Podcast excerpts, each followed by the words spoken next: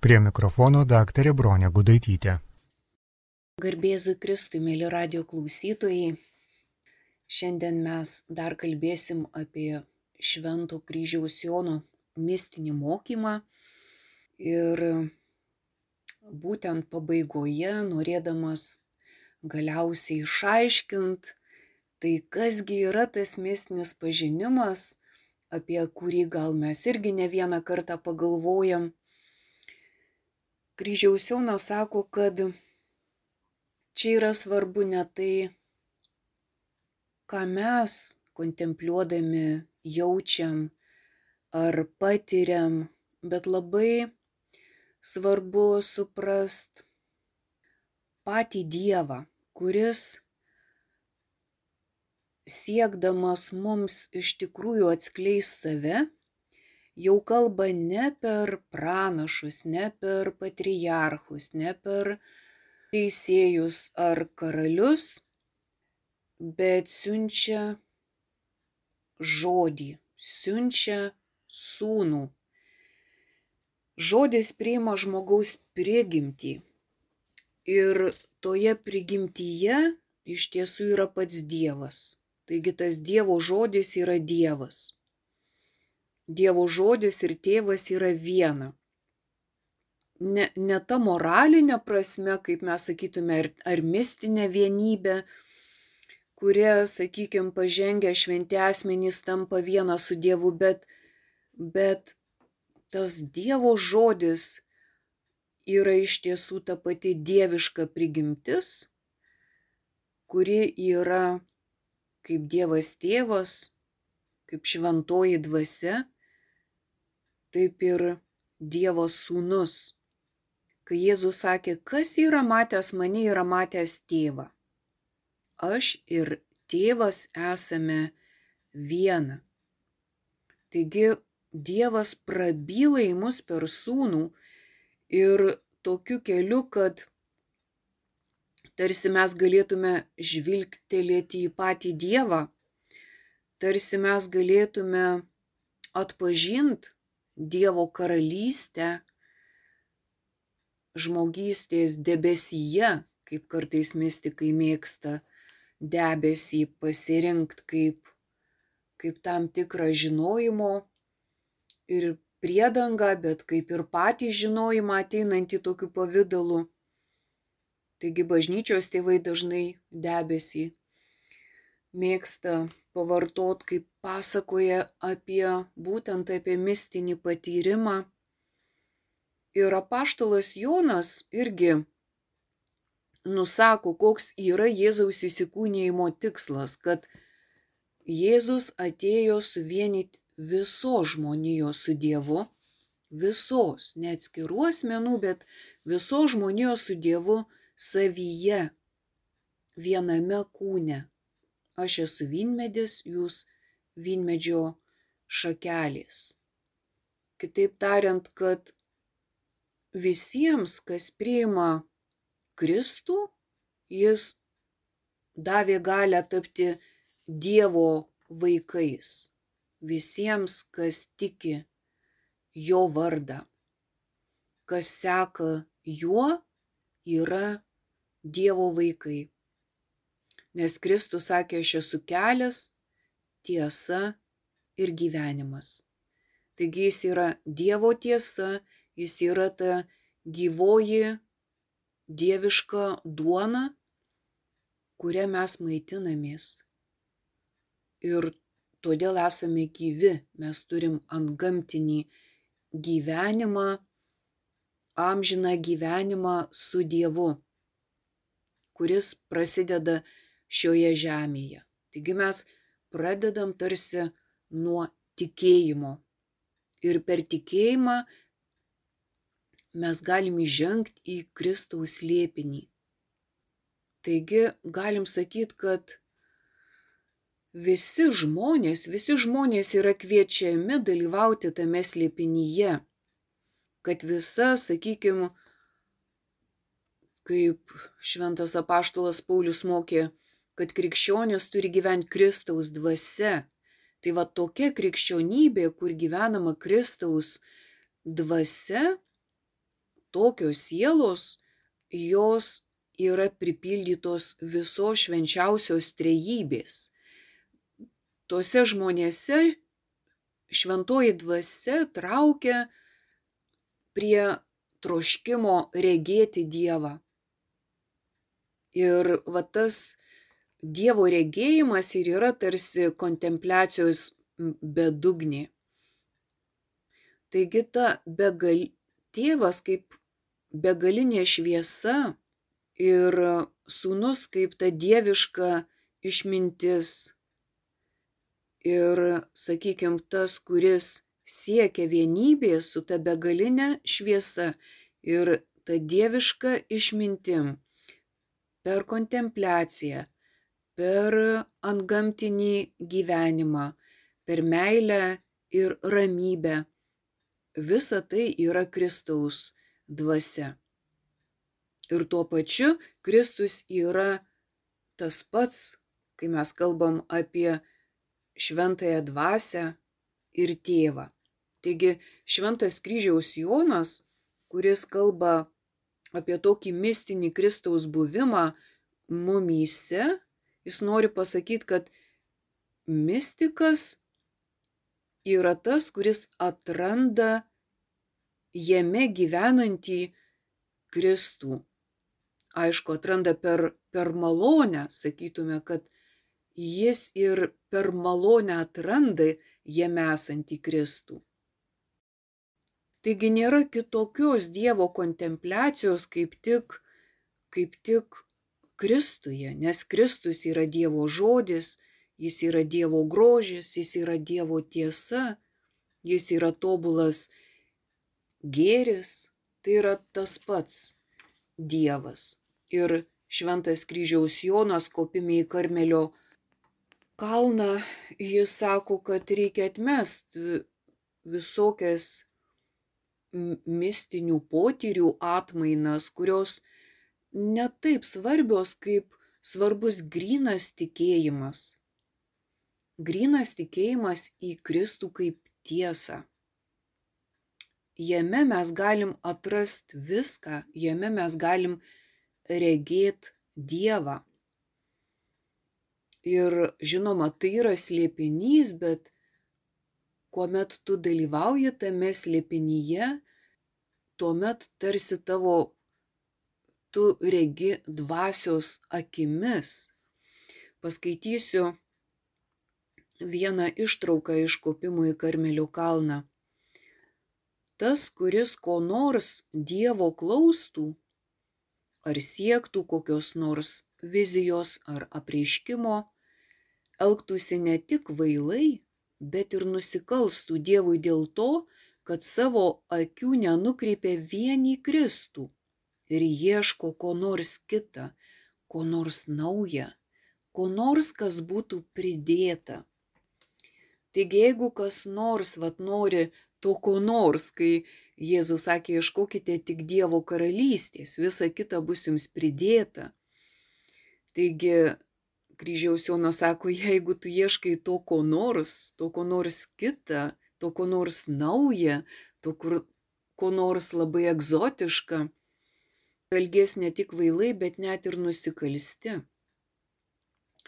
Taigi kryžiaus Jonas sako, jei kas nors prašytų Dievo naujo apreiškimo, Dievas greičiausiai jam atsakytų taip jei trokšti, kad atsakyčiau tau kokiu nors paguodo žodžiu, pažvelk į mano sūnų, kuris yra man pavaldus.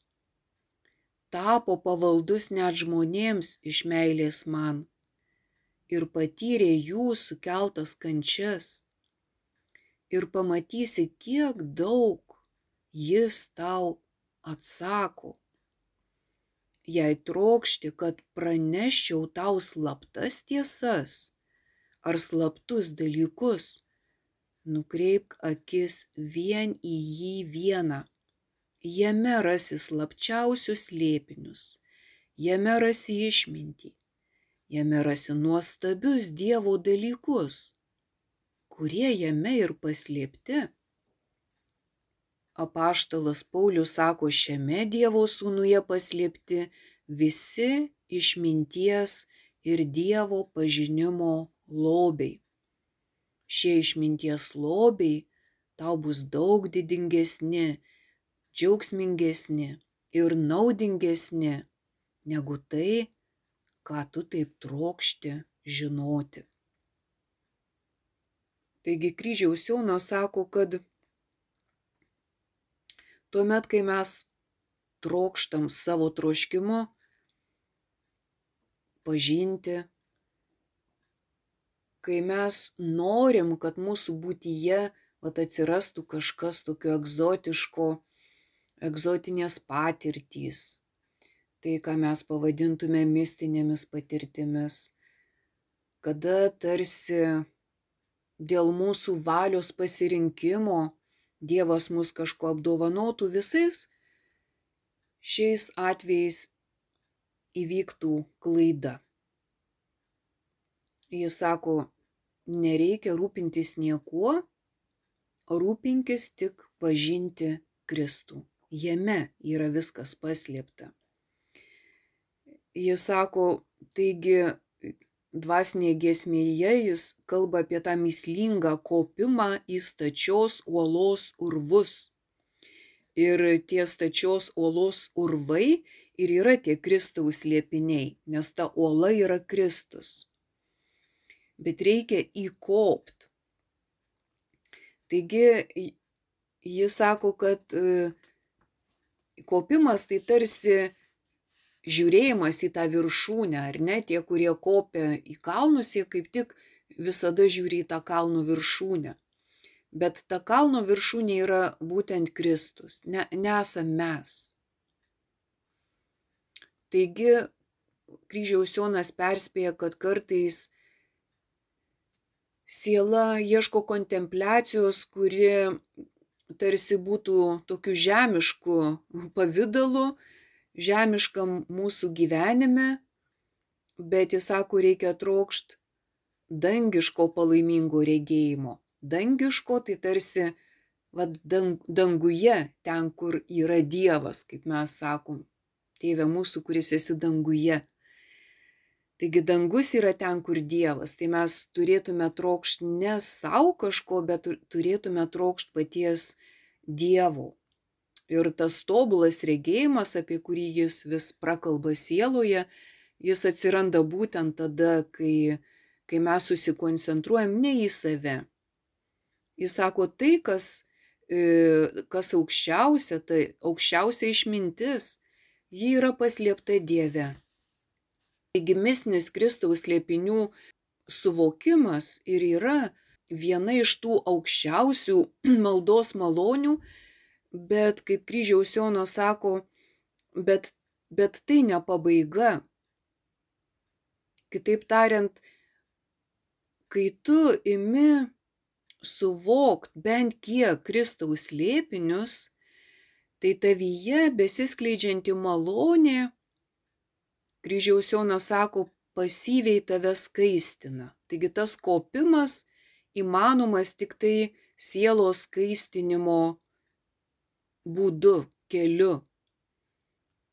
Siela turi kopdama persikeist. Ir tas persikeitimas ir yra ta mistinė vienybė su Dievu, kuri keičia sielą.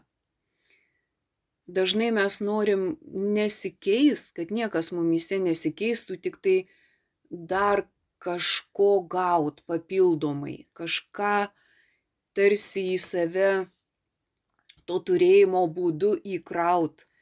Bet kryžiaus Jonas kalba atvirkščiai. Jeigu nori kopt, tai, tai būsi skaistinamas. Tai reiškia, tapsi vis mažiau turintis. Net galiausiai atrodo nelieka net mūsų pačių. Kaip ir Šventas Paulius sakė, kad jau nebe aš, o manyje Kristus gyvena. Taigi dar paskaitysiu vieną citatą. Man iš visų šventųjų mažiausiajam atiteko malonė skelbti pagonėms nesuvokiamus Kristaus turtus. Čia yra Švento Paulių žodžiai. ir atskleisti visiems, kaip turi išsipildyti šitas slėpinys nuo amžių uždengtas Dieve, visų dalykų kūrėjuje, kad dabar per bažnyčią taptų žinoma kunigaikštystėms ir valdžioms danguje daugeriopą Dievo išmintis. Tai atitinka amžinai nutarimą įvykdytą mūsų viešpatyje Jėzuje Kristuje. Taigi Paulius sako, man iš visų šventųjų mažiausiam atiteko malonė skelbti nesuvokiamus Kristaus turtus, kad išsipildytų slėpinys nuo amžių uždengtas Dieve. Kitaip tariant, čia ne jam tas slėpinys, bet va, kada atiteko ta didžiausia malonė skelbti tą didžiausią slėpinį Kristų, kai jis tapo iš visų mažiausias. Kaip Paulius sakė, jeigu girtis, tai girtis tik silpnumu.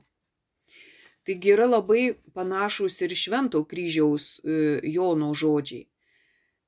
Visos šios malonės, visos, kurias siela gali gauti, yra žemesnės už Kristaus liepinių išmintį, nes visos jos yra tik pasiruošimas prie jos ateiti. Taigi visos malonės, kurias siela patiria ir patirdama tas malonės, siela įsivaizduoja, kad išgyvena tą mistinę vienybę, jisai sako, tai yra tik pasiruošimas, nes jos visos yra žemesnės už Kristaus liepinių išmintį. Jos yra tik pasiruošimas, o ne, o ne tikslas. Taigi uola apie kurią kalba kryžiaus Jonas, jis sako, ola yra Kristus.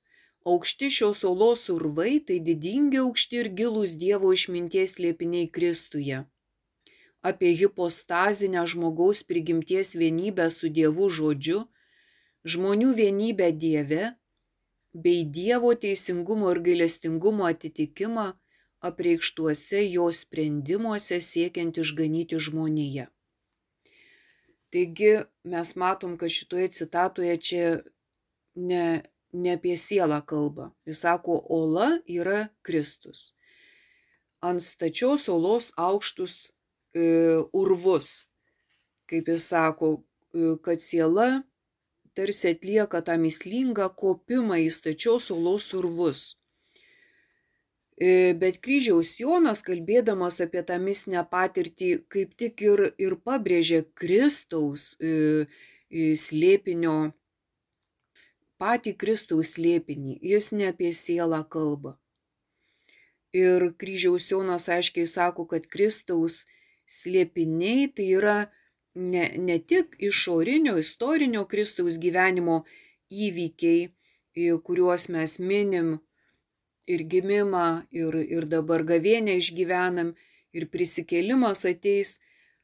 Taip, tai yra slėpiniai, bet jis sako, didžiausias slėpinys ir visų žmonių vienybė tai yra mistinėme Kristaus kūne.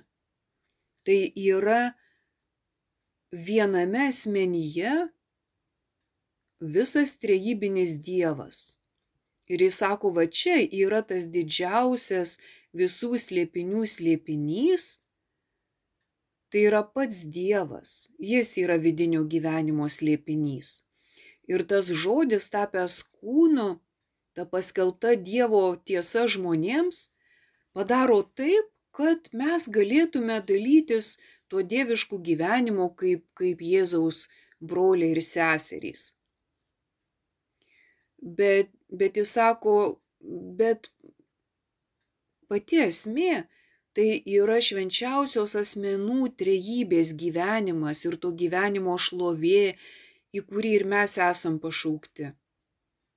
Čia yra, jis sako, aukščiausias ir tobuliausias kontempliacijos objektas, šventųjų kontempliuojamas net ir danguje.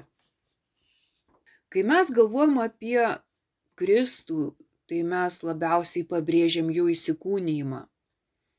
Ir mūsų atžvilgiu atrodo Jėzaus tapimas, Dievo tapimas žmogumi ar ne Jėzaus įsikūnymas yra už viską svarbiausias.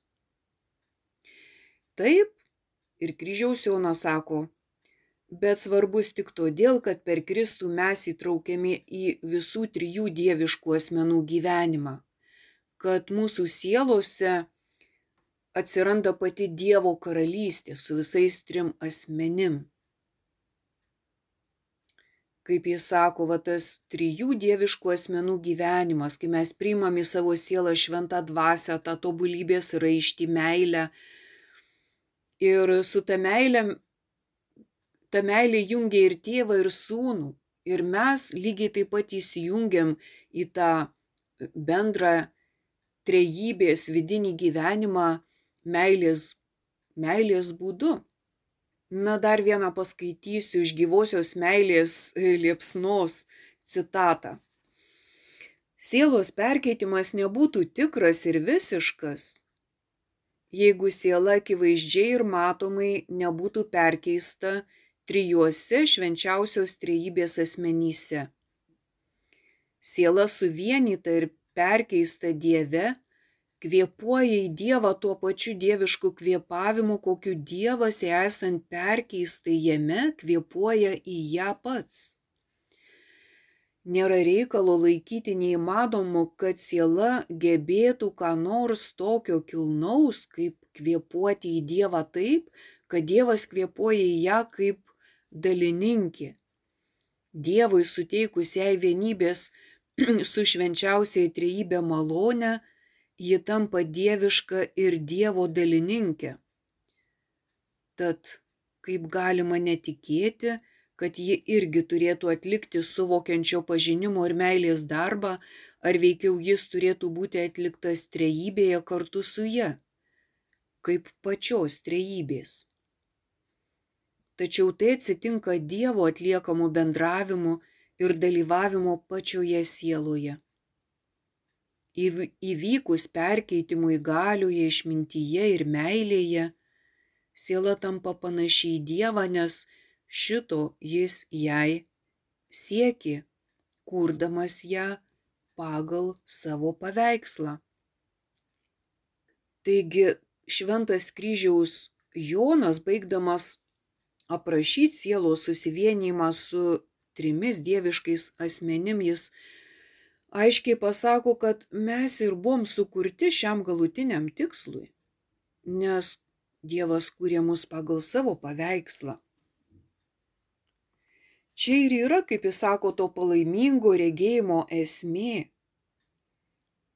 Ir būtent iš meilės. Iš meilės perkeičiama ir siela. Ir va tas sielos, e, kaip, kaip jis kalba, kad Dievas kvėpuoja į sielą, o siela kvėpuoja į Dievą. Tai tas kvėpavimas ir yra būtent pati meilė. Kad per, per meilės galę mes tarsi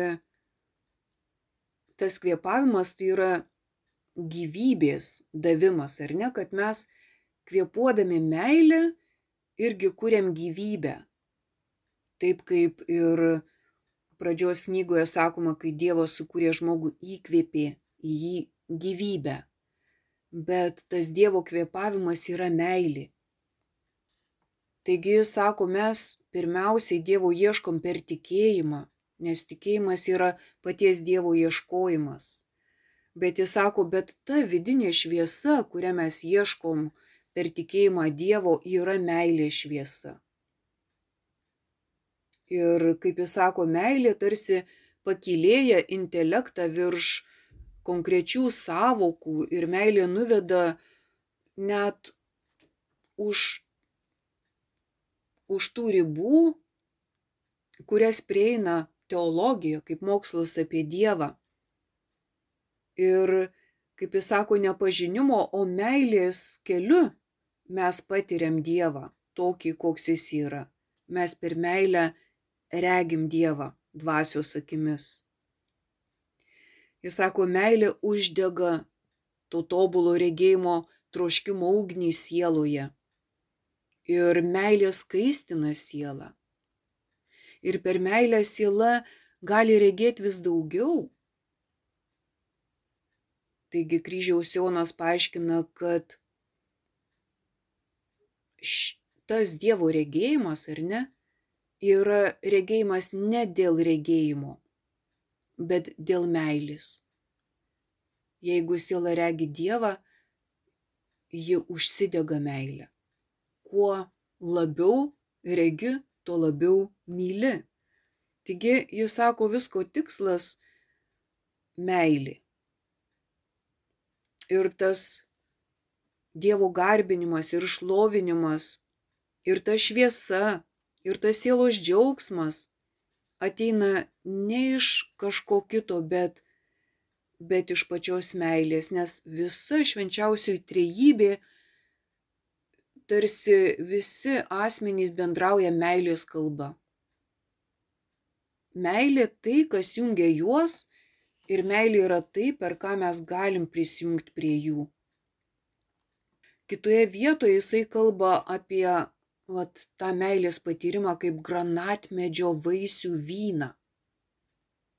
Vėl paskaitysiu citatą. Šis šviežias granatmedžio vaisių Kristaus liepinių vynas kurio nuotaka sakosi paragausinti su sužadėtiniu yra Dievo meilės pilnatvė ir džiaugsmas užtvindantis juos pažįstančią ir suprantančią sielą. Nes kaip iš daugelio granato sėklų jas išspaudus padaromas vienas šviežias vynas, taip iš visų Dievo stebuklų ir visų didingų dalykų, kurie įlėjami į sielą, jie užplūsta tik vienas meilės džiaugsmas. Tas meilės džiaugsmas yra tarsi šventosios dvasios gėrimas. Na va, mes žinom, kad kryžiaus Jonas yra poetas, bet tikrai jis parenka tuos įvaizdžius labai tinkamus. Ir sako, yra, kad ir daug tų granatos sėklyčių, ar ne, e, visas jas suspaudę mes gaunam vieną, vieną vyną vienas meilės džiaugsmas, kaip jis sako. Ir pagaliau, kai tu ragauji tą Kristaus liepinių vyną, o jis yra vienas, tai yra tas meilės gėrimas, jis sako, tuomet tu išgyveni būseną, kurią ir pavadintum tą tikrąją tylą. Jis sako, tyla yra geriau už kalbą. Kalba yra būtina, Nes tikėjimas, kaip jis sako, dažnai ateina klausantis. Bet pati kontempliacijos sėkla, jinai yra Dievo žodžio sėkla. Ir jinai bręsta e, tyloje. Ir tyla yra būtent toks ypatingas dalykas, kai atrodo, kad e, aplink didelis triukšmas, bet medžiai sproksta tyloje. Nesvarbu, kad tai yra miesto medžiai, bet žiedai prasiskleidžia tyloje. Visi tikri dalykai, jie vyksta tyloje. Nors atrodo, kad aplink, kaip mes kalbam, yra tas triukšmas, atrodo, kad tos tylos nėra, net ten, kur atrodo, kad jos nėra, vyksta gyvybės gyvenimas, kuris yra tyla. Kryžiaus Jonas sako, kas nepažįsta meilės tylos, negali pažinti Dievo tylos. O tyla, kaip jis sako, visada skirta, ji ne, neegzistuoja ji neegzistuoja niekam, ji skirta kažkam, kaip jis sako. Žodžiai ar tyla duoti dėl Kristaus. Kristuje mirštame kūnui, bet gyvename dvasiai. Kristuje mirštame iliuzijai, bet gyvename tiesai. Gyvenimas ir mirtis. Jie vyksta tyloje. Mes kalbam apie didžiojo penktadienio tylą, bet taip pat kalbam ir apie Velykų ryto ramybę. Taigi ten, kur vyksta tikras gyvenimas, nors išorėje jis būtų labai triukšmingas, bet jis skleidžiasi tyloje. Tyloje mokomės atskirti. Kas pabėga nuo tylos, praranda gebėjimą atskirti, praranda gebėjimą matyti aiškiai. Taigi, žmogus, kuris myli Dievą, jis yra tyloje. Jis nebijo triukšmo, bet jis jo nepastebi būdamas tyloje. Jis ir triukšme gali būti tyloje. Kryžiaus Jonas sako, yra ir dorybės tyla, meilės tyla, tikėjimo tyla, vilties tyla. Ir visa ta tyla yra pačiame Dieve. Taigi, kai tu esi su Dievu, tu mokaisi tų ramybės ir tylos kelių. Jis sako, tikras gyvenimas tai yra dvasinis dalykas, o dvasiniai dalykai yra tylus. Marija, ji yra būtent kontempliacijos paveikslas, bet ji gyveno tyloje. Ir Marija visais atžvilgiais yra pavyzdys kontempliuotojams ir, ir mystikams, tas jos paprastumas, tylumas, nuolankumas. Ji buvo tikra atsiskyrėlė, ji viską laikė savo širdyje. Taigi ji gyveno kaip ta atsiskyrėlė, kuri tuo pačiu slėpėsi savo, savo sūnaus slėpiniuose. Ji vaikščiojo po žemę, šlavė grindis, gamino pietus staliams, bet viduje ji buvo visiškoje tyloje. Ji viską saugojo širdyje. Bet mes žinom, kad ir Juozapas buvo labai tylus, labai kuklus, labai nuolankus, bet jo klausė pats Dievas. Ir mes matom, kad tiek Juozapo, tiek Marijos misija tai buvo tarsi pabudinti žmonių sielos ir suteikti tą galimybę ateiti mal maloniai į pasaulį. Todėl jie buvo toje didingoje tyloje, kurioje augo pats Dievas. Taigi matom, kad toje kontempliacijos ramybėje ne ne mes turėtume aukt, bet Dievas. Ir Dievas, vad kažkokiu momentu sielą gali sudrebint, taip kaip pasaulyje, ar ne, pažadinti ją iš miego. Taigi kryžiaus Jonas vėlgi gyvojoje meilės liepsnoje rašo tokius žodžius. Sielos pabudimas tai toks didingas, viešpatavimo ir šlovės kupinas, nepaprastai saldų žodžio veikimas sieloje, kad šiai atrodo, jog visi pasaulio balzamai, kvapnus prieskoniai ir gėlės susimaišė bei susikratė kartu, kad teiktų savo saldybę. Jei atrodo, kad juda visos pasaulio karalystės ir viešpatystės, dangaus galios ir jėgos. Ir ne tik tai, visos kūrinios dorybės, esmės, tobulybės, malonės regi sušvito ir daro tą patį judesi unisonu.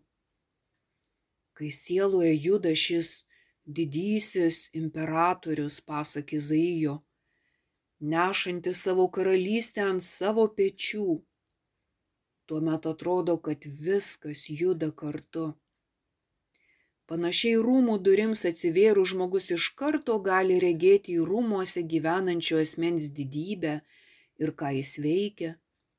Nors siela, kaip ir kiekvienas kūrinys, iš esmės yra Dieve. Jis atsitraukia kai kuriuos priešais ją kabančius šydus ir uždangas, kad siela galėtų bent šiek tiek išvysti jo prigimtį. Tada ji gali matyti pilną malonės jo veidą labai neryškiai, nes ne visi šydai atitraukti. visus daiktus jis išjudina savo jėga. Todėl matant, ką jis daro, regisi, kad jis nuolat juda juose ir jie nuolat juda jame. Tad sielai atrodo, kad Dievas sujudėjo ir pabudo, nors iš tikrųjų sujudėjo ir pabudo ji pati.